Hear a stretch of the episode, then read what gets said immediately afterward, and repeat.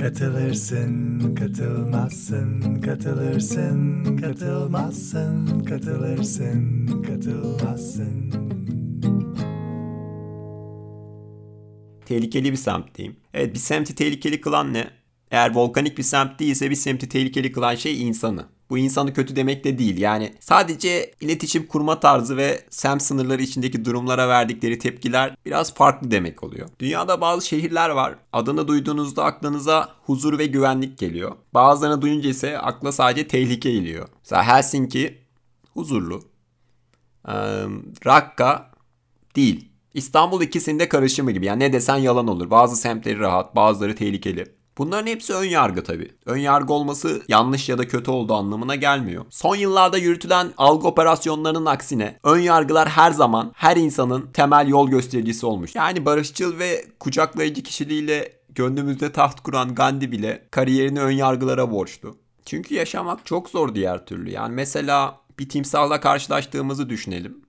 İster istemez timsahlar saldırgandır, yüz göz olmamak lazım diye düşünürüz. Burada yanlış batılılaşmış birisi bize itiraz edebilir. Ya sen hayatında kaç timsahla karşılaştın? Kaç timsah tanıdın da böyle bir yargıya varabiliyorsun? Nasıl böyle bir genelleme yapabiliyorsun? Ama bu liberal dostunuzu dinleyip bir timsaha ön yargısız yaklaşmaya çalışırsanız timsah sizi ısırabilir. O da timsahın ön yargısı tabii yani onun ayıbı. Ama timsahlar tehlikelidir ön yargısıyla yaklaşsaydınız en fazla haksız çıkardınız.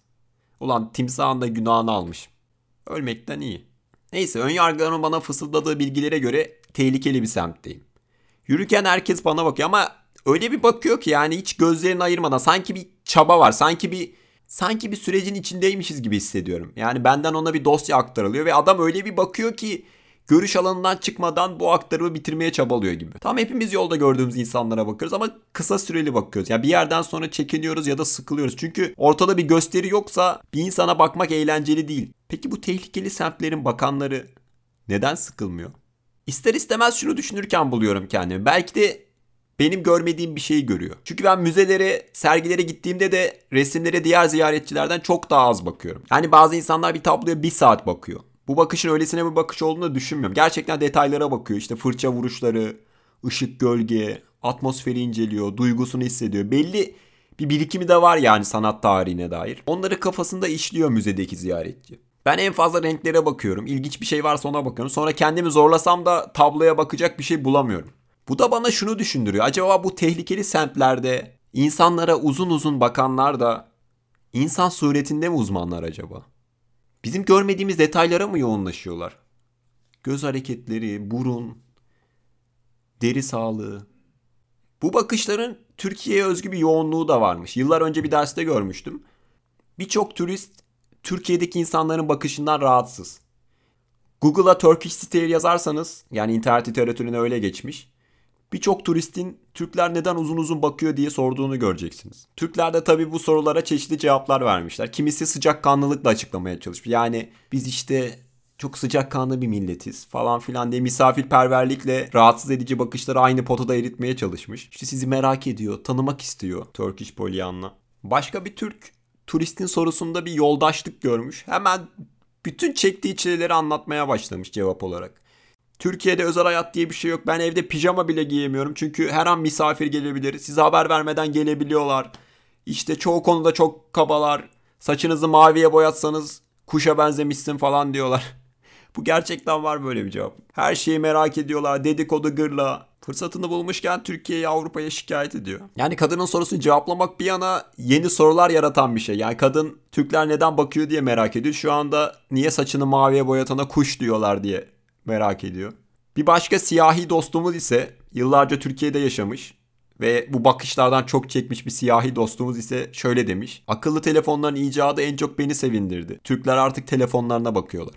Sesimden anlaşılıyordur belki. Ben bakılmayı hak edecek biri değilim. Yani sıradan kıyafetler giyiyorum pastel tonlarda. Ortalama bir tipim var. Sadece saçım biraz uzun. Ve bana bile böyle bakılıyorsa ilginç insanlar nasıl bakılıyordur acaba diye düşünmeden edemiyorum. Bu bakışlarla da bir sıkıntım yok. Ama dediğim gibi o kadar uzun ve anlamlı bakıyorlar ki. Yani bazen içime kurt düşüyor. Lan acaba kafamın içini görüyor olabilir mi?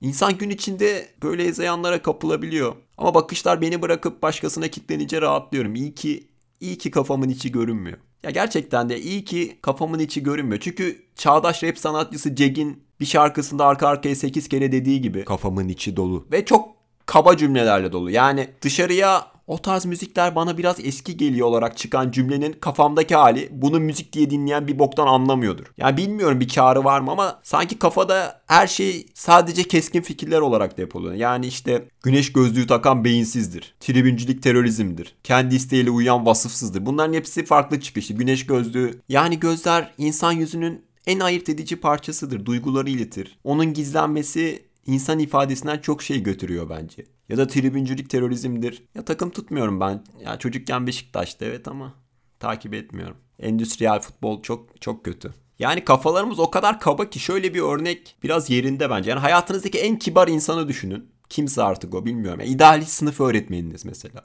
Bir de tanıdığınız en pis insanı düşünün. İddiam şu. İdealist sınıf öğretmeninizin kafası tanıdığınız en pis insandan daha kaba. Yani kafaların içi görünseydi hayat Twitter'a dönerdi. Böyle fizikselleşmiş bir Twitter. Çok kayıp verirdik diye düşünüyorum. Neyse ki ifade ederken dil işe el atıyor ki günlük ilişkilerimizi darbe almadan sürdürebiliyoruz.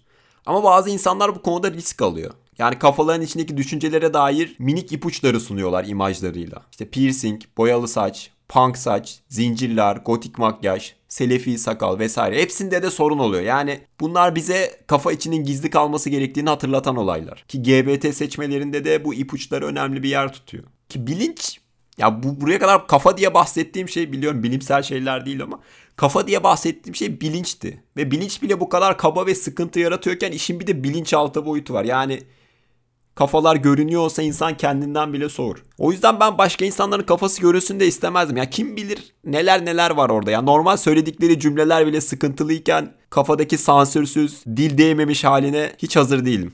Yani şu adamın düşüncesinin orijinalini duymak istemiyorum. Yarasa çorbasını kim içtiyse ımın hırzını diyen Tonton amcanın filtreli haline bile katlanamıyoruz. Filtresiz halini minik yüreğim kaldırmaz.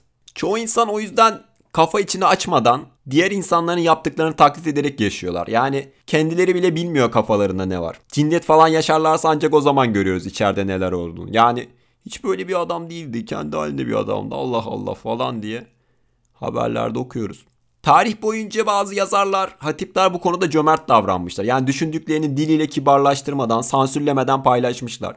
Dönemin otoriteleri de sorunun nereden kaynaklandığının gayet farkında tabii. O yüzden hepsinin kafasını koparmışlar. Kafa kesimi de o yüzden yıllardır yaygın bir şey. Yani bugün kardeş devlet Suudi Arabistan ve kurumsallıktan daha uzak heyecanlı radikal gençler tarafından insanlığın bu eski geleneği yaşatılmaya çalışılıyor. Ama sadece barbarlıkla da eşlenecek bir şey değil yani. Fransız ihtilalini yapan aydın insanlar bile bu kafa kesme işlemini hızlandırmak için icat, yeni bir icat yapmışlar. Yani liberte, egalite ve fraterniteden daha ünlü. Giyotin. Giyotin demişken ünlü bir bağımsız kafadan bahsetmem gerekiyor. Antoine Lavoisier. Parisli ünlü bir kimyager Lavoisier ve onunla ilgili bir efsane var. Efsaneye göre bilimi çok seven dostumuz giyotinle infaz edilmeden önce asistanına diyor ki giyotinle kafam uçurulduktan sonra iki kere göz kırparsam beyin hala çalışıyor demektir. Ve gerçekten de kafa uçtuktan sonra gözlerini kırpıyor iki kere. Günün sonunda hepimiz henüz bedenlerini kaybetmemiş kafalarız. Bizi tanımlayan şeylerde, kafa kağıdında, pasaportlarda sadece vesikalık fotoğrafımız var. Her vesikalık bir giyotindir desem kim karşı çıkar? Ve maalesef ben bütün vesikalıklarda Lavoisier'in kafasından daha kötü çıkıyorum. Katılırsın, katılmazsın, katılırsın, katılmazsın, katılırsın, katılmazsın.